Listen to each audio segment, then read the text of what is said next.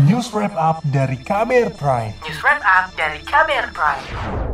Penyakit mulut dan kuku PMK pada hewan ternak terus mewabah di tanah air.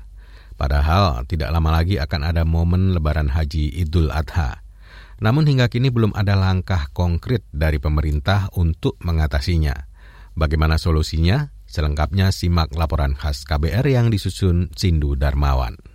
Sejumlah daerah kini terus mewaspadai penyebaran penyakit mulut dan kuku PMK pada hewan ternak, terutama menjelang Idul Adha bulan depan.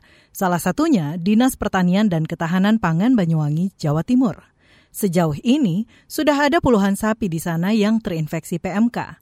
Kepala Dinas Pertanian dan Ketahanan Pangan Banyuwangi, M. Khoiri mengaku telah menutup sementara akses lalu lintas pengiriman masuknya hewan ternak dari luar daerah. Insya Allah ternak yang ada di Kabupaten Banyuwangi untuk kesiapan menghadapi Idul Adha ya. aman. Selama lalu lintas yang ada di Kabupaten ini, Banyuwangi masih diberi kesempatan. Pasar-pasar hewan lima, pasar hewan masih diberi kesempatan untuk berjualan.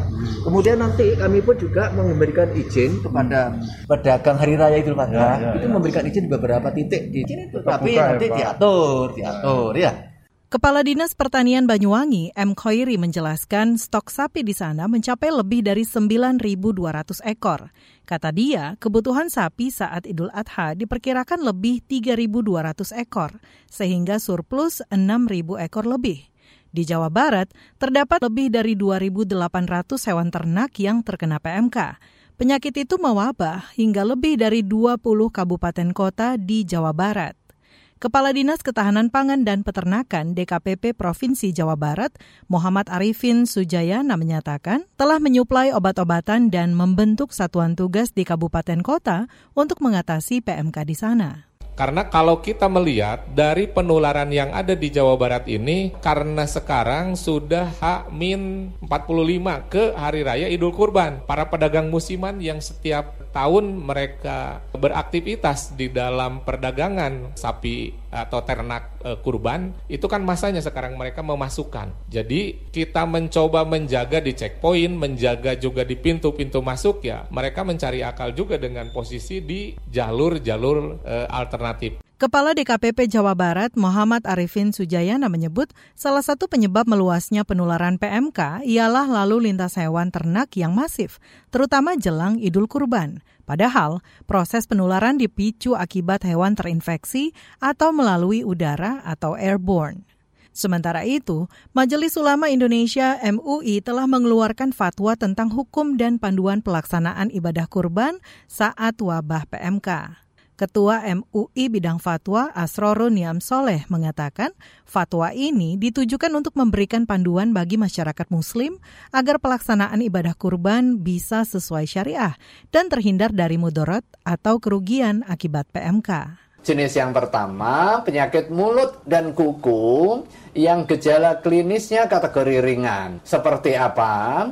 Seperti lepuh pada kuku ya, tetapi dia tidak berdampak kepada uh, kondisi uh, kualitas daging. Kemudian juga tidak berdampak kepada kekurusan secara permanen. Tidak berdampak kepada adanya kecacatan yang menyebabkan kepincangan atau sampai tidak bisa jalan. Dalam kondisi yang seperti ini, Majelis Ulama Indonesia menetapkan hewan tersebut sah untuk kepentingan pelaksanaan ibadah kurban. Asrorun menambahkan hewan yang terjangkit PMK kategori berat, semisal hewan yang terkena PMK dan tidak bisa disembuhkan. Kata dia, hewan ini tidak sah jika dijadikan kurban. Terus merebaknya PMK membuat para peternak kian merugi, sebab banyak hewan ternak yang terinfeksi penyakit mulut dan kuku PMK.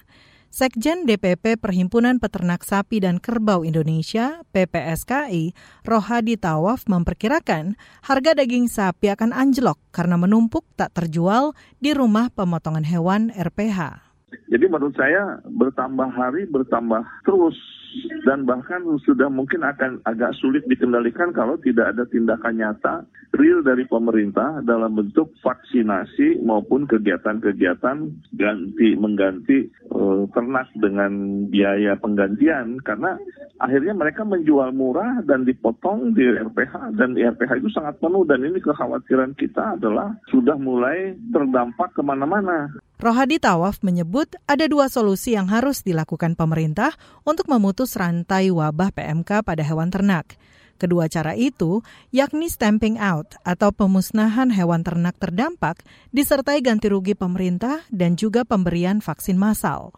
Dosen Fakultas Peternakan Universitas Pajajaran ini mengatakan, langkah cepat tanggap perlu dilakukan pemerintah untuk mengantisipasi makin meluasnya wabah penyakit mulut dan kuku pada hewan ternak. Demikian laporan khas KBR, saya Aika Renata.